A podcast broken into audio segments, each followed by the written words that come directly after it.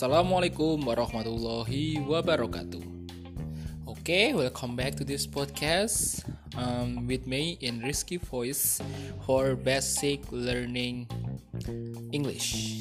Uh, uh, in this episode, uh, for uh, basic English, uh, that we got a, a episode, uh, fourth episode. Episode keempat kali ini kita akan membahas tentang kata ganti. Kata ganti kita beber bagi beberapa part. Ini adalah pronoun, oke? Okay? Kata ganti part 1. Kata ganti bagian pertama. Oke, sebelum kita mulai, saya ingatkan lagi, mohon dipelajari materi ini uh, dan ulangi minimal tiga kali sampai Anda benar-benar paham. Pastikan Anda tulis materi ini dan segala informasi tambahan dari podcast ini di buku catatan khusus Anda. Oke, okay, uh, langsung saja kita mulai. Let's get started, shall we? Pronoun atau kata ganti, part 1, bagian pertama. Oke, okay, um, subject. Kita diawali dengan kata subject. Subject pronoun adalah pronoun yang memiliki posisi sebagai subjek dalam kalimat.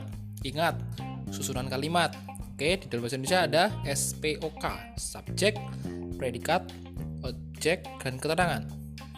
Di dalam bahasa Inggris juga sama, subject pronoun merupakan pronoun yang bertugas sebagai pelaku dalam sebuah kalimat. Subjek selalu berada di awal kalimat. Gitu. Nah, di pronoun sendiri, di dalam kata ganti, pasti kalian sudah tahu bahwa ada subjek I, you, they, we, he, she, and it. Dan saya yakin kalian sudah tahu artinya. Langsung saja kita awali dengan beberapa contoh. I go to school. I go to school. You are so diligent. You are so diligent. We play football in the field. We play football in the field. They always come late. They always come late. She is so beautiful. She is so beautiful. He buys a new book. He buys a new book. It is so expensive. It is so expensive. Dari kalimat beberapa di atas, nah, kita awali dengan cara menggunakan pronoun. Nah, yang subjek. Jadi subjek yaitu sebuah uh, kata yang memiliki uh, sebagai pelaku maksud saya, yang bertugas sebagai pelaku utama. Jadi yang melakukan sebuah kerja, pekerjaan atau seseorang yang dideskripsikan. Contoh tadi, I go to school. Saya pergi ke sekolah. Nah, I go to school. I sebagai subjek dan go sebagai verb atau predikat atau kata kerja. I go to school. School di sini sebagai sebuah uh, keterangan tempat atau objeknya juga. Nah, seperti itu. Tadi ada you are so diligent. You are so diligent. You yaitu sebagai subjek, are di sini sebagai kata kerja atau to be. Dan ada diligent sebagai adjective. Nah, itu seperti itu. Nah, di sini nanti di subjek pronoun usahakan kalimat ini uh, kalian pelajari dan mencoba mempraktekkan atau membuat kalimat. Oke, langsung saja ke objek. Objek pronoun. Nah, Objek pronoun ini adalah kalimat atau kebalikan dari subjek pronoun. Objek pronoun bertugas sebagai korban terlaku nah, dalam sebuah kalimat. Untuk you dan kata ganti benda tidak ada perubahan bentuk dari subjek pronounnya. Jadi objek pronoun yang mengalami perubahan dari subjeknya adalah me, us, them, his, and her. Biasanya terletak di belakang kalimat setelah kata kerja. Objek pronoun. Berarti uh, objek ini terkena sebuah pekerjaan. Nah, tadi kan sudah saya singgung ada SPOK, subjek, predikat, objek. Nah, karena objek yaitu setelah predikat atau kata ker kerja. Nah, di subjek pronoun saya sudah tadi bahas. Ada di subjek saya itu I, kamu, you, kita, we, mereka, they. Nah, dia perempuan she, dia laki-laki he dan it. Nah, it ini nanti ini sebagai kata benda. Di objek pronoun I menjadi me You tetap menjadi you di objek. We menjadi us. They menjadi them. She menjadi her. He menjadi him. It tetap it. Itu di objek pronoun. Jadi jangan sampai kebalik. Oke, langsung saja kita ambil contoh They always follow me. They always follow me. I meet you every day. I meet you every day. They ask us to read the book. They ask us to read the book. She visits them in the hospital. She visits them in the hospital. He invites her to party. He invites her to the party.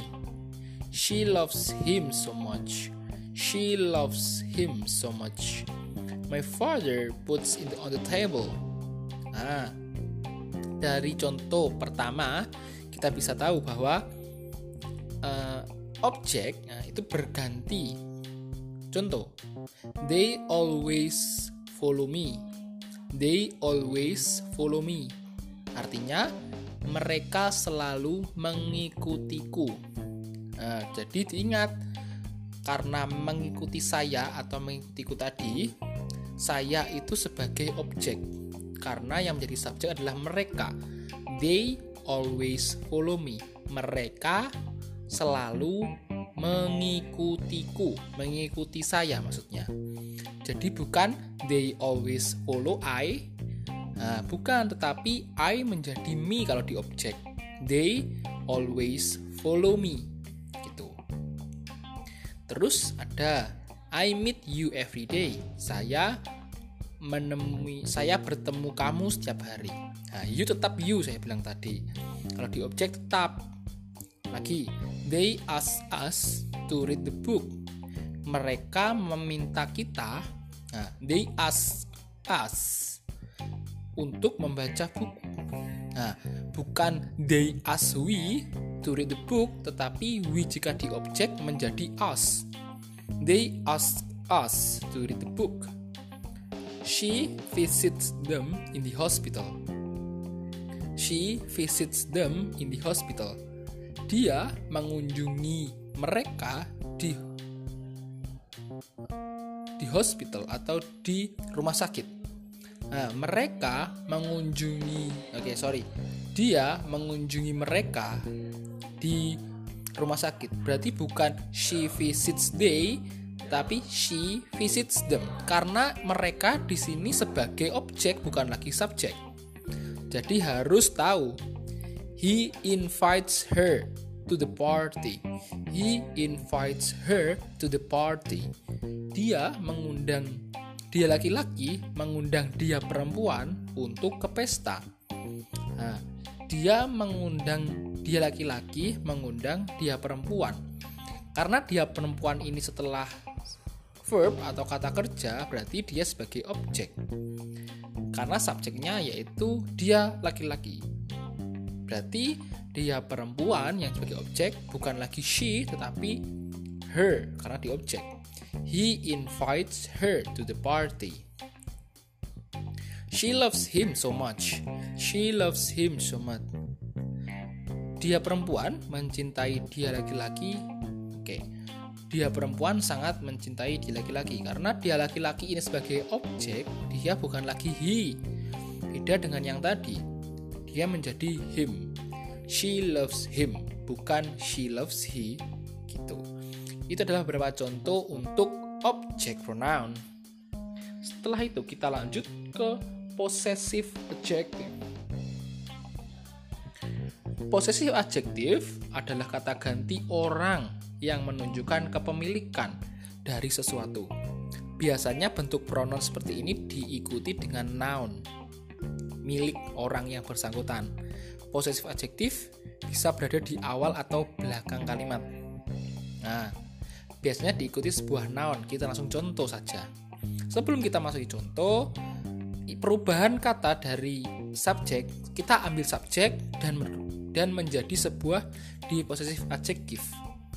Contoh, kalau subjeknya itu I atau saya, kalau dia menjadi possessive adjective adalah my.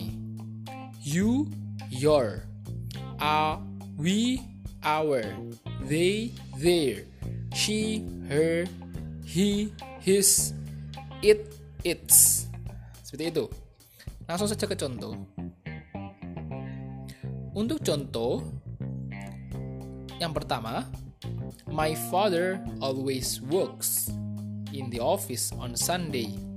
Your book is on the table. Our friends sing together in our house. She cleans their house every day. He invites her family to the famous restaurant. She gives his father a new car.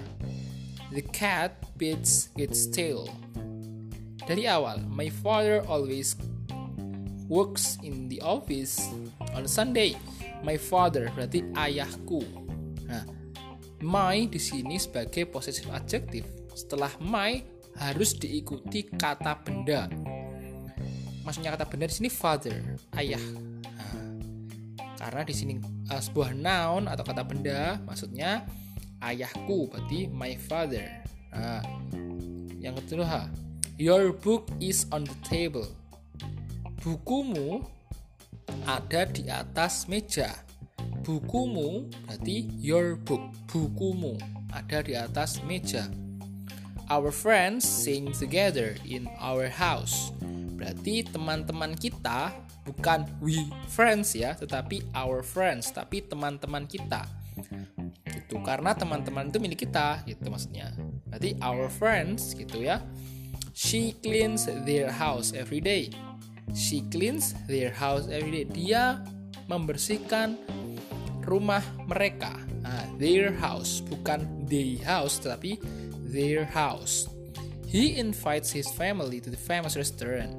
Dia mengundang keluarganya, dia laki-laki mengundang keluarganya dia perempuan, berarti bukan she family tetapi her family karena keluarganya ini miliknya dia perempuan.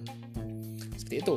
She gives his father a car dia perempuan memberikan ayahnya dia laki-laki nah, sebuah mobil baru berarti his father bukan he father. Gitu. Jadi ayahnya dia laki-laki. Berarti bukan he father tapi his father. Itu mungkin contoh dari pronoun uh, bagian pertama part 1 untuk episode kali ini. Apabila ada yang masih bingung atau ada yang ingin ditanyakan saya mohon untuk private chat ke saya untuk di podcast kali ini. Bisa send message di podcast atau sending via WA.